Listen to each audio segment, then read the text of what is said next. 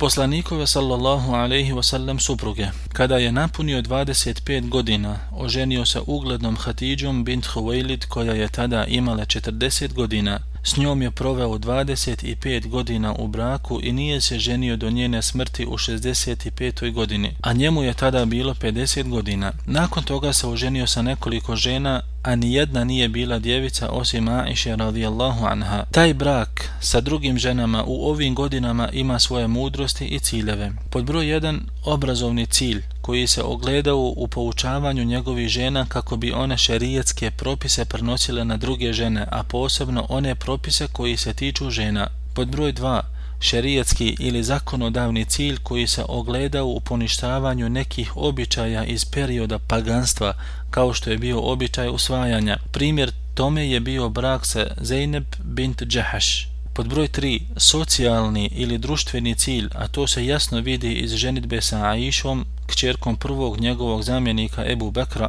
radijallahu anhu, a zatim ženitba sa Hafsom ili kćerkom drugog zamjenika Omera, radijallahu anhu.